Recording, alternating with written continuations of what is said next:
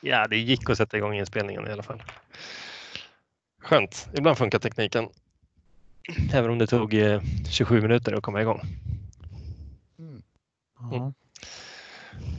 Ja, men, eh, så här i slutet på året då skulle det vara väldigt eh, spännande att få summera lite tankar, tycker jag.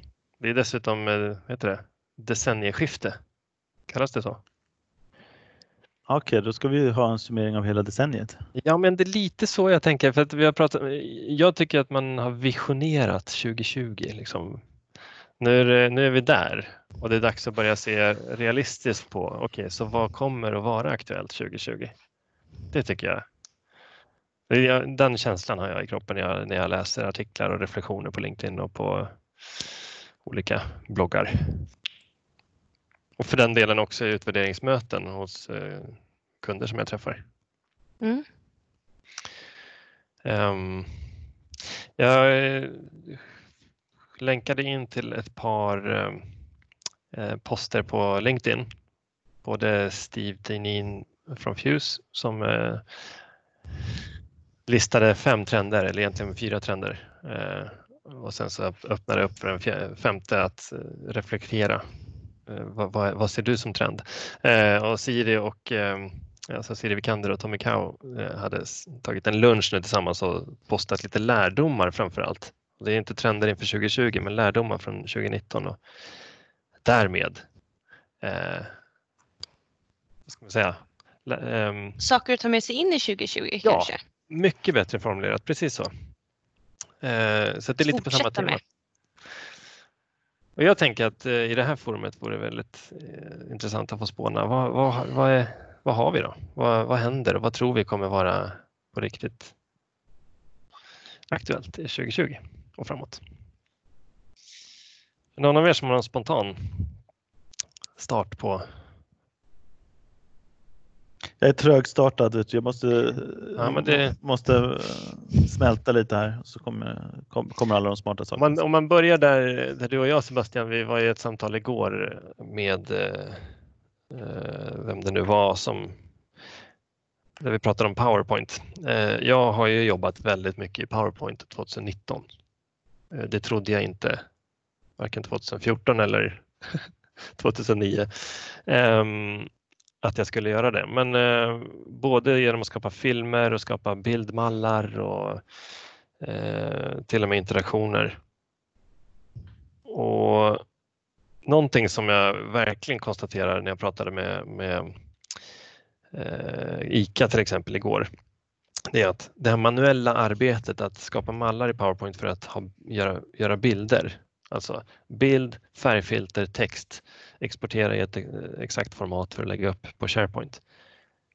Det är ju det är ett sätt att tillgängliggöra bildskapandet för vem som helst som har Office så att man inte behöver Photoshop. Men det är fortfarande ett väldigt manuellt arbete. Och det där borde ju ett AI sköta om bara ett halvår. Liksom.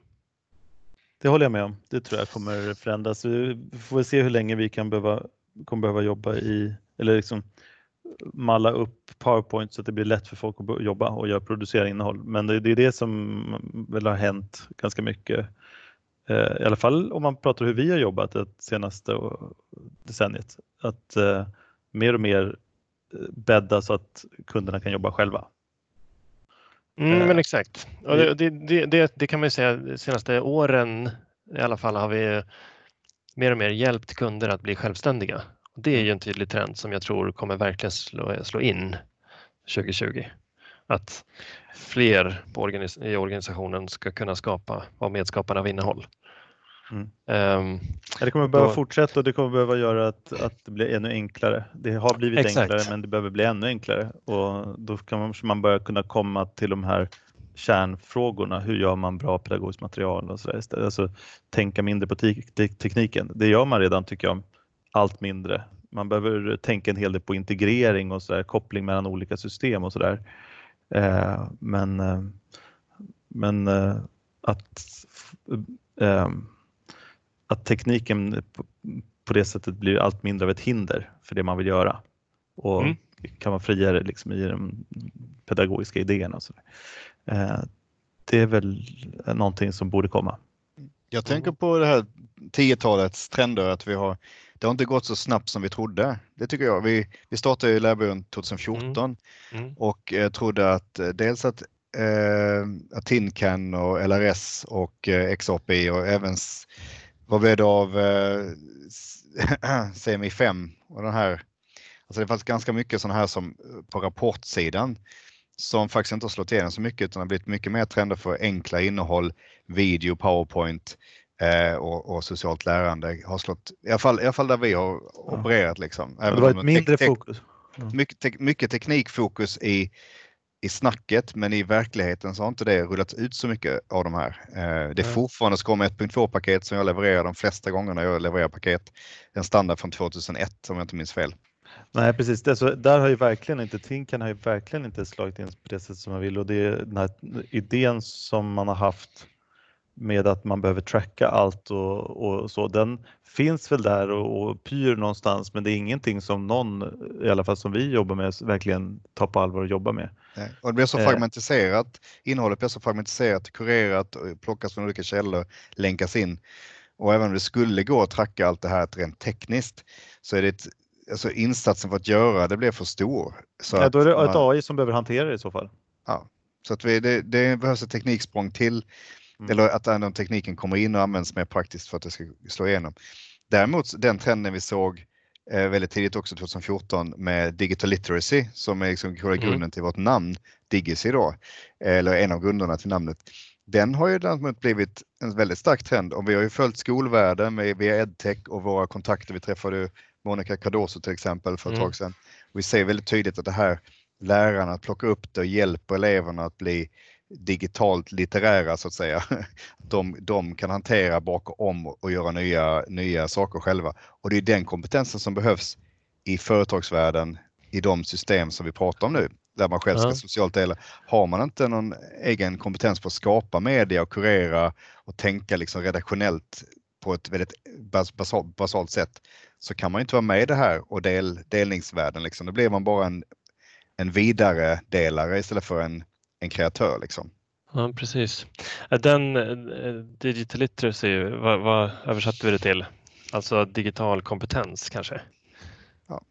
Eh, det, det, har ju verkligen, det är ju verkligen en, en förmåga som, som utvecklas eh, i hela samhället.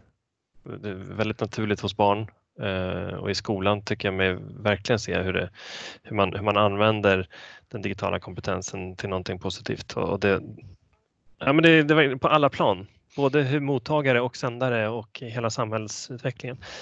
Men där kan, där kan vi hjälpa till för att, vi kan verkligen hjälpa till. För, för att eh, säga, de gamla kompetenserna med universitets och högskolebaserade kompetenser som, som kanske kan kännas lite mossiga i vissa fall nu där, där finns ju ändå en, en, eh, en grund i att ta ett, liksom ett ansvar att, att, välja, att göra ett urval och bestämma sig för vad man ska publicera för någonting.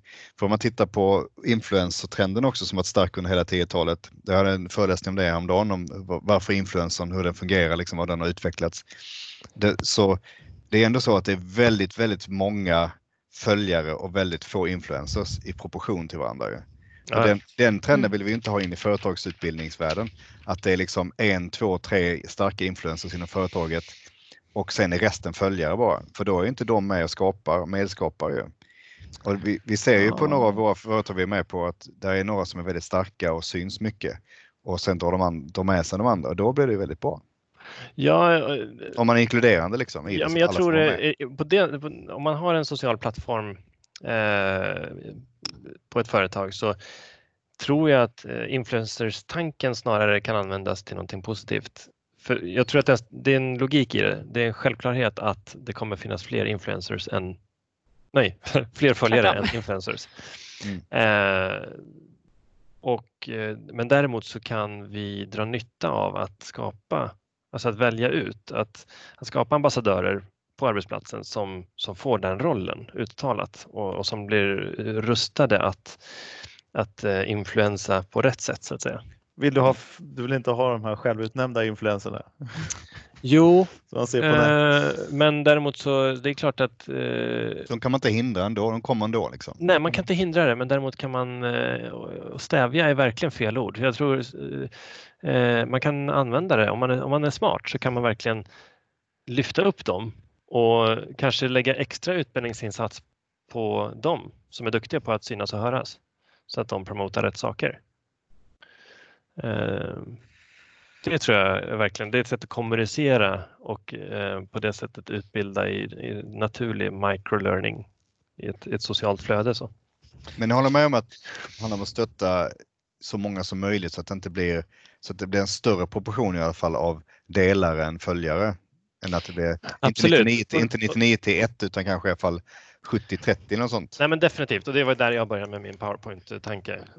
Syftet med att vi gör mallar i PowerPoint är för att det inte bara ska vara ADn som har Photoshop som kan skapa innehåll mm. utan att, eh, att alla som är ämnesägare ska faktiskt kunna skapa innehåll.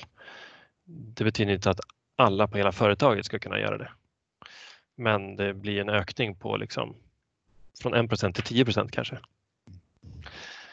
Och det, det är definitivt, det, det, är tillbaka till det som vi pratade om, det, det, är den trenden som jag tror absolut kommer hålla i.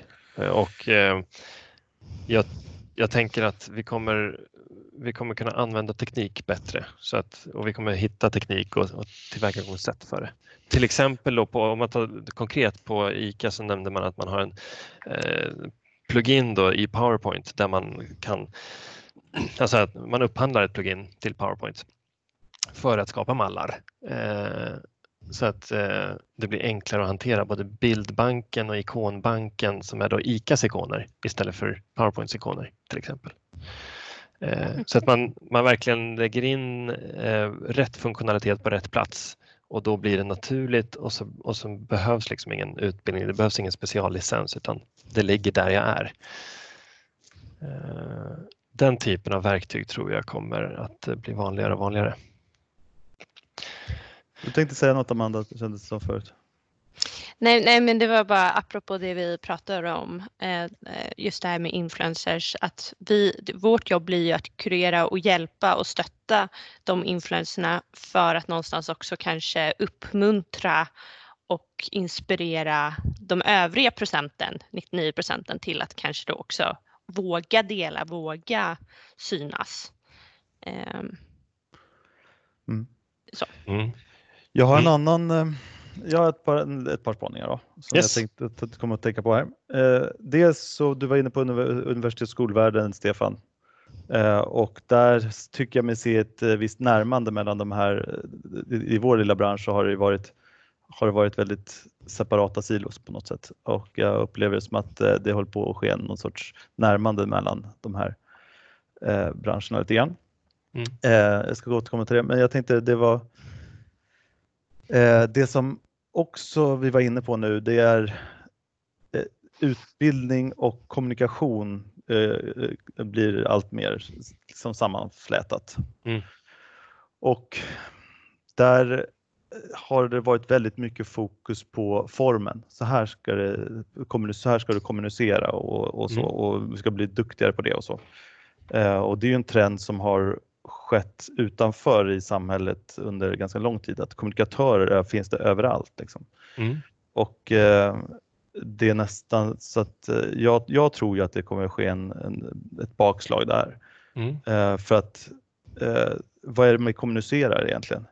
Och jag tror att man bör, man bör komma tillbaka till innehållet och titta på vad, att, att, att man blir trött på det här välpolerade innehållet och man, man ser sådana trender på att man, man accepterar mer rufft innehåll, mer eh, långa intervjuer, många liksom, långa poddinslag och där, där, det inte, eh, där det inte är polerat på det sättet liksom, via någon kommunikatör. Mm.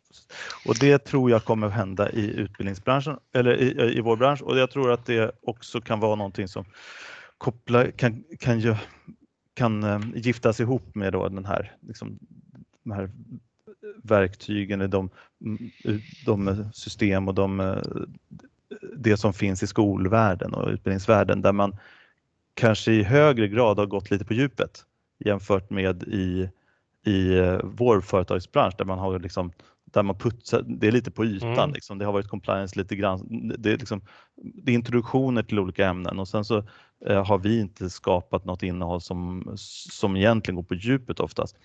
Man har eh, inte mäktat med kanske att, att göra Jag har inte haft råd liksom, att, att, att, liksom, att, att bearbeta materialet för att det har varit för dyrt och tungt att, att göra det, den insatsen. Men skapar man system som gör att gör det mer tillgängligt. Vi träffade Hippocampus nyligen. Jag tror mm. att det kan finnas möjlighet att göra att, att det, det, skulle, jag tycker det vore en intressant uh, utveckling att se om, om man kan skapa bättre, djupare innehåll uh, som har, som har liksom, som, också, som blir tydligare en del av, uh, av det vi gör inom utbildning mm. för företagen. Um, ja, det var en... Ja, men intressant. Jag, Får jag, fånga, ja, jag får fånga upp några frågor för att jag tycker att det var jätteintressanta reflektioner. Dels så sa du att utbildning och kommunikation eh, går mer hand i hand, vilket vi ser en tydligt, liksom, det, det, ser vi en trend eh, av. Och det är positivt för vi får, behöver kommunicera ut och nå ut med utbildning. Annars eh, kommer vi liksom ingen vart. Men eh, när du säger att, ehm, att man kanske är lite trött på den polerade ytan vad menar du med det? Jag menar, och då, det, alltså, det är en, en analys av någonting som ligger bredare än i, i, i, eh, i vår, vår bransch. Alltså, det är ett, eh, att, eh, att man irriterar sig på att, eh, att det är alltid en kommunikatör som, eh, som, som svarar på frågor i, på ett ja, företag, inte den som egentligen eh, har har mandatet eller liksom har tagit besluten. Och, att, och det, det, gäller både inom företag inom politiken och det, det, det är någonting som, som, som, gör att man får ett avstånd till, mm. till, till, till kärnan. Liksom. Mm. Och, och det, det, där, tycker jag, där tycker jag i alla fall att de senaste åren att man sett en, en, en, reaktion mot det där, att man vill ha, man vill ha det, det genuina och det som är, är på riktigt och, och sådär. Och eh, vill komma ifrån det där polerade kommunikativa. Jag tror att här finns det en, en liten mot, eh, ett motsatsförhållande i att man vill ha det lite mer djupintervjun och ärliga bakom kulisserna feelingen. Man vill se vad, vad menar de egentligen och jag vill, jag vill höra den som, som faktiskt sitter på informationen, inte på den som är mediatränad. Å ena sidan. Å andra sidan så har man inte tid eh, varken att skapa eller att lyssna. Och om man tittar på arbetsgivarens perspektiv så har man inte tid att låta den anställda sitta och titta på en film för att den ska ju vara ute och jobba. Så. Alltså det, man, man, man värderar den tiden för högt för att vilja lägga ut för mycket innehåll tror jag. Så Det är ett motsatsförhållande som, som vi kanske verkligen kommer att behöva bemöta. Hur, hur, hur möter vi den utmaningen? Hur hittar vi liksom eh, kort och effektivt och tydligt utan att det blir polerat? Mm. För jag, jag tittar på en, en, annan trend som kanske hänger ihop med det här. Vi, jag tyckte i um, Tommy Kaus och Siri Kanders uh, punkter där så var det mycket fokus på hur man skapar inkludering i en gigekonomi.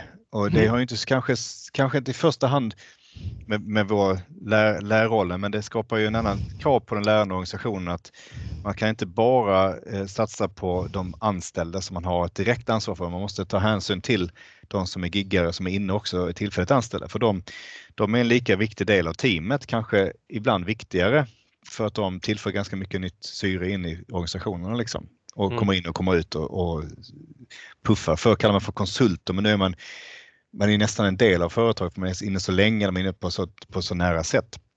Och, ja, det kan ju vara både och verkligen. Du skulle kunna vara två veckors konsult och det kan vara en två års konsult. Ja, och, och där, där, det skulle man kunna koppla till den här trenden att de, de här LMS som hade väldigt höga, höga eh, ambitioner för att vara ett learning experience plattform eh, istället för att vara ett LMS.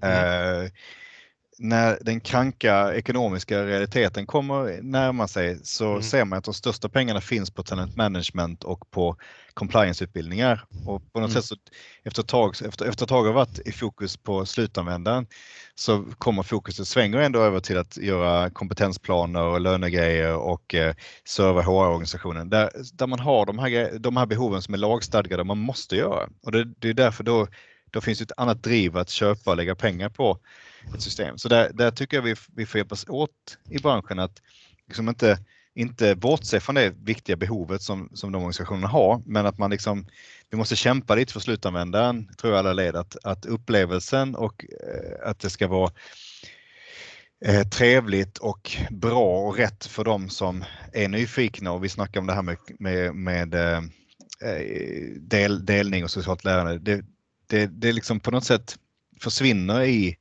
ibland i de här eh, compliance-träsket. Då. Mm. Så får vi hjälpas åt att, att eh, mota det och, och hålla fram slutanvändaren. Och då har, jag, då har jag en koppling till spaningen jag sa i början. Då blir det ju så att då kan vi inte bara lägga in konton och licenskonton för de som är anställda och har ett anställningskontrakt utan då måste ja. konsulterna in och nyanställda innan de har börjat, som vi kämpar mycket för när det gäller onboarding. Alltså att man inte börjar onboardingen utan man gör en preboarding innan man kommer in. Att man liksom har ett öppnare system och ett öppnare syn på sin informationsdelning. Mm.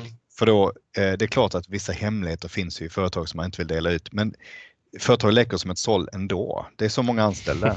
Mm. Men är det inte så? Så, så, inte så att det bättre vara öppna, transparenta och stå och vara stolt för det man har. Eh, för att vill, vill någon få reda på det får de reda på det i alla fall. Är det och, inte så? Ja. Berätta om det. Mm. Ja, precis. Är det inte så att det redan har hänt? Alltså jag upplever att det har hänt väldigt mycket, apropå det du pratar om, eh, att det har inte varit så mycket fokus på eh, tin can och sådär.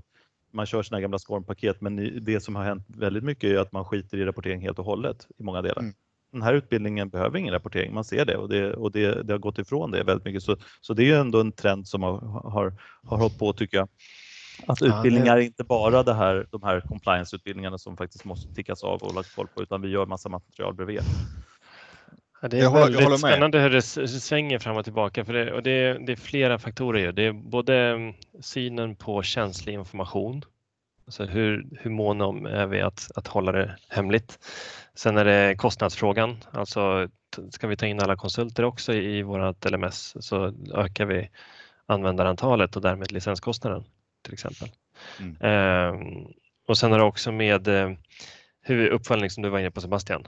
Vi står ju definitivt inför en stor utmaning att använda big data på ett bra sätt. Eh, och eh, att ju mer och mer datadrivna vi är i våra analyser, desto mer framgång kommer vi ha. Det, det är många överens om. Däremot så mäter vi kanske annorlunda. Alltså, vi trodde att vi skulle, vi, förut hade vi väldigt schematisk historia, eh, men Scorm kunde rapportera att yes, du har gjort den här kursen klar.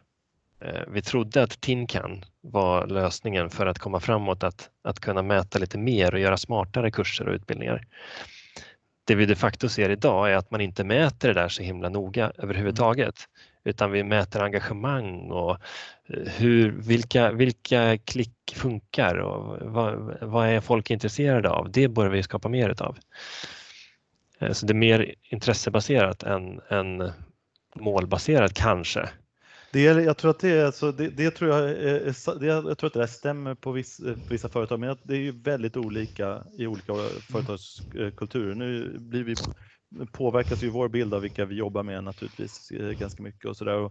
Eh, nu, nu har vi inte varit, varit så mycket inne på, på banksidan här på ett, på ett tag och sådär, men det har varit mycket förut, så det påverkar ju också bilden, så där, för där är det en helt annan inställning till öppenhet och, och till, eh, compliance och så. Det, där är det mycket tyngre på den sidan eh, jämfört med många andra av våra kunder där, som vi kanske har varit med på senaste åren. Så där, där är det mer öppet.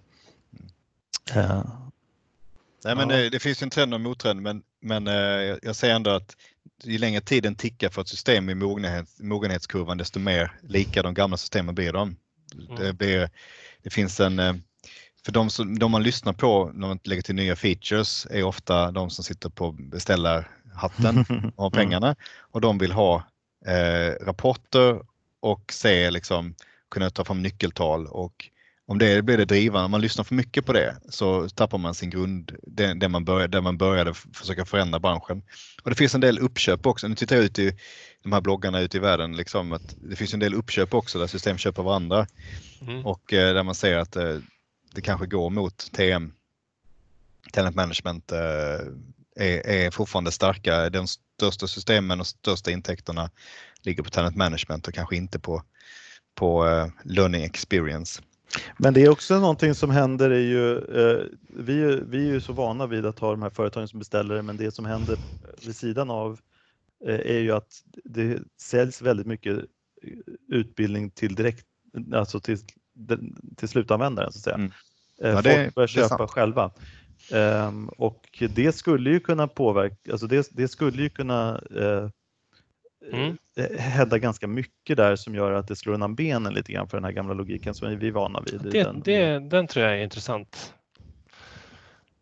Så, jag, jag, jag reagerar på med tanke på att um, uh, vi på HR, säger jag då, uh, har ju inte resurser att serva hela organisationen. Mm. Men det finns, det, finns så mycket, det finns så många aktörer som kan skapa innehåll. Och att, att det kan hända ganska mycket i den branschen då, där, där, aktörer kan skapa och priserna kan sjunka och det blir mer tillgängligt. Mm. Det finns alltså... Inte... Oh, Nej, jag tänkte säga, det, alltså, vänder man sig inte, eh, om man har en mycket bredare kundbas, alltså verkligen kan sälja till direkt eh, till en användare, då kanske det inte spelar så stor då kanske det här med eh, eh eh, rapportering och, och, den logik som finns när det gäller eh, eh compliance och sådär kommer att se helt annorlunda ut. Ehm, mm. Ja, ofärdig tanke. Vi, vi har ju varit, nu har vi varit ganska länge uppe i en eh, ganska nördig, fluffig tank, tanke kring system och, och både framtida och historiska trender det ska bli jätteintressant tycker jag att få lyssna på det här och se vad, vad, får, vi, vad får vi ut av det då? Eh, skulle vi kunna försöka summera lite om vi tänker utifrån det vi har pratat om nu. Vad tror vi då? Vad, vad kan vi vad, vad, skulle vi kunna göra under 2020 och vad skulle våra kunder kunna göra för att eh, ta vara på läget som vi har? Det var en svår fråga. Mm. Mm.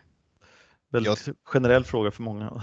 jag, tyck, jag tyckte jag hörde här i de sista minuterna att, att det finns ett utrymme på marknaden för en eh, gratistjänst där man kan eh, lägga in sina privata utbildningsframsteg. Och det finns säkert jättemånga sådana så jag kan inte nämna dem just nu. Mm. Men det finns ju ingen marknad, tydlig marknadsledare som man går till företaget och säger att titta på mitt läs-CV, ett LRS. Liksom. Fast det kommer inte, om man kallar det för LRS så kommer ju ingen att fatta någonting. Så det måste ju vara någon, det måste vara någon aktör i stil med LinkedIn eller, eller Google som, som eh, tar, tar det eh, för att det ska bli marknadsledande. Mm. Och också man kan liksom, de här poddarna och filmerna så man kan registrera vad man gjort för någonting för att visa på att man har ett lärande som, som går utanför de här 160 högskolepoängen. Liksom. Mm. Eh, så den, där finns det marknadspotential för rätt företag, men det är, inte, det är nog inte en betaltjänst vi pratar om utan det är en Nej. freemiumtjänst. Liksom. Det är ju det, så det... Precis som LinkedIn är, den är mm. en freemiumtjänst. Ja. Men det är ju det också att eh, alltså det, det, vi har en snårskog av småföretagen då som håller på att verka i den här branschen och så småningom så, så känns det som att det ligger tangentens riktning att liksom Google eller någon stor drak kommer och eh, utnyttjar sin infrastruktur för att mm. verkligen ta ett helhetsgrepp på utbildning.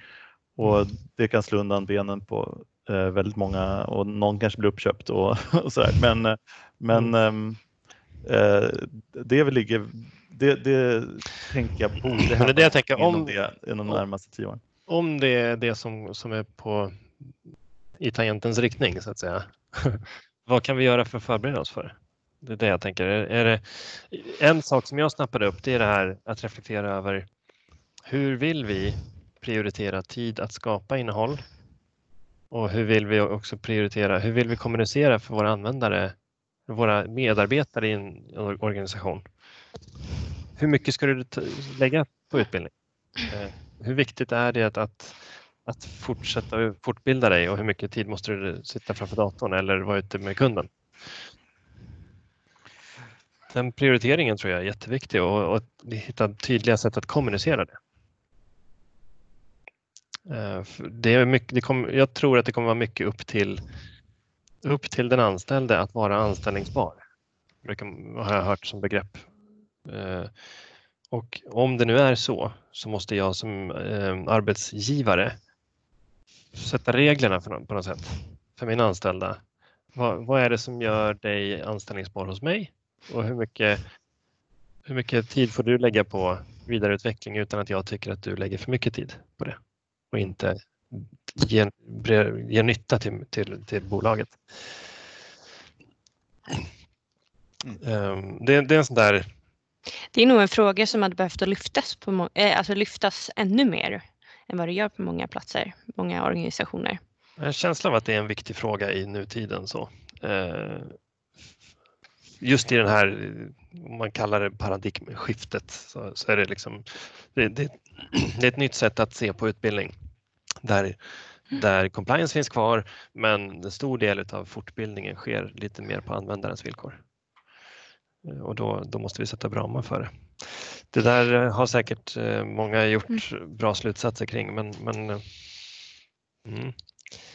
Jag skulle också bara så här rent trendmässigt att det känns i alla fall som att eh, slutanvändaren är lite mer kanske kräsen idag än vad den har varit mm. tidigare när det kommer till utbildning och många av kunderna vi har pratat med eh, refererar ju väldigt mycket att UX-mässigt att det jättegärna får se ut som Netflix eller att det ska se ut som mm. Spotify, att det ska liksom, det mm. ska vara så dumenkelt mm. att det, alltså, att gå in i ett, eh, ett, eller gå in i ett äldre LMS med massa flikar och man vet inte riktigt vart man hittar saker. Alltså att, mm.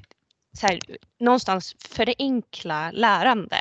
Mm. Sen, sen liksom innehållet i sig behöver ju kanske inte vara eh, hundraprocentigt jätte liksom eh, det, det, kan vara en enkel, alltså en enkel, enkelproducerad film mm. eller ett, ett, textdokument som inte är så liksom fancy så, men just att upplevelsen till att komma in till utbildningsportalen eller vad det nu ska vara, att det ska vara så himla enkelt och att det ska se aptitligt ut. Mm. Det tycker jag är eh, en liten observation att många kunder ser som viktigare nu.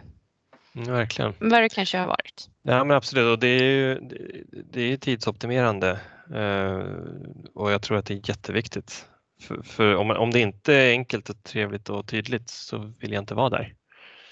Då, då vill jag hellre vara på Instagram eller någon, eller någon annanstans. Ja, men precis. Och där kanske vi får hjälpa till att kämpa för det så att inte beslutet eh, grundas på vilken compliance-rapport man kan få ut ur systemet. Mm. Mm.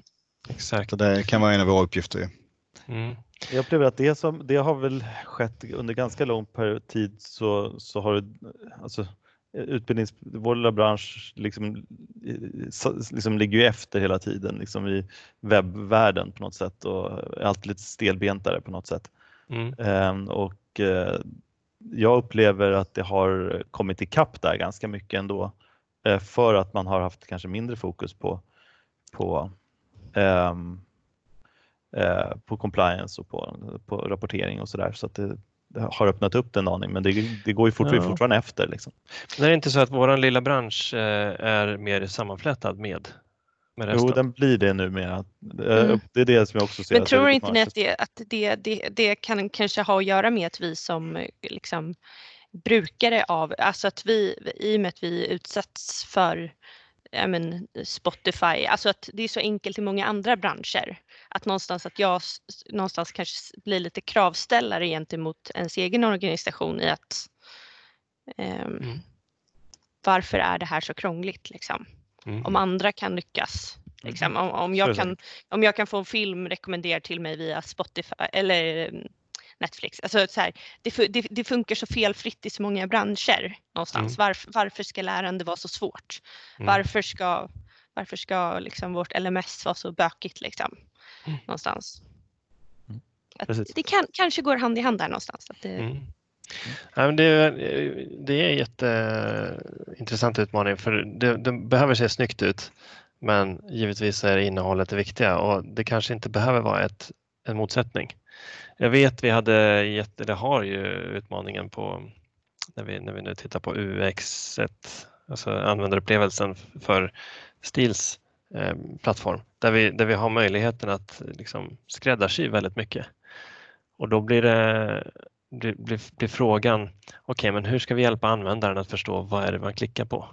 Är det en artikel eller är det en hel utbildningsplan eller en lärarledd kurs eller är det en film eller är det en, en e-learning? Um, till skillnad från Netflix så kollar man på filmer eller serier där och i utbildningsplattformen så finns det väldigt mycket mer. Det finns väldigt många olika sätt också att lära sig. Eh, det är en utmaning vi har bara och jag har inte svaret men jag tror att det kanske, det kanske är någonting som vi kommer, som bör, kommer börja falla på plats mer och mer naturligt.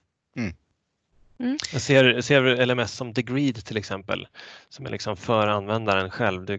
Jag som privatperson kan lägga ett konto på Degreed och liksom hitta min egen utbildning. Det blir som ett lite mer utbildningsfokuserat LinkedIn. Eh, där, där man kurerar innehåll och jag kan bidra med mina, jag kan skapa innehåll och pusha det där. Jag kan kolla, kolla på eh, liksom kommersiell, ta till mig kommersiell utbildning det är lite sån typ av plattform som jag tänker att det kommer bli mer och mer naturlig. Och det blir kanske mer och mer naturligt att lyfta in det också i företaget. Mm. Och du kanske inte ville säga min spaning där med att de faktiskt köpte upp ett, eh, ett eh, talent management system och ska eh, röra sig mer mot talent management. Mm, mm. Degreed, Degreed har köpt. Ja, de har det. Ja, just det. Acquired Adepto. Mm, det ser.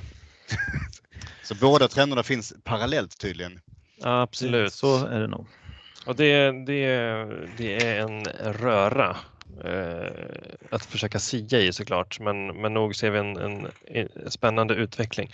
Jag hörde en, ett citat faktiskt från Ann Helenius som är eh, Chief Digital Officer på Scandic. Hon pratade om, mm. eh, om digitaliseringen och utvecklingen så som, som, som vi känner den, att det går väldigt fort nu. Men det citatet som jag skulle vilja fånga det var när hon sa att det går faktiskt jättelångsamt för vi är fortfarande människor och vi utvecklas inte snabbare än vad vi gjorde förr. Eh, tekniken utvecklas superfort men vi är lite sega. Och det, det där tycker jag var, det var en spännande reflektion. Att tekniken utvecklas jättefort men, men vi måste liksom smälta, eh, hur ska vi jobba med det då? Och vi måste hitta sätt att arbeta tillsammans. Ehm, och det kan vi inte förvänta oss att det går lika exponentiellt fort som den tekniska utvecklingen.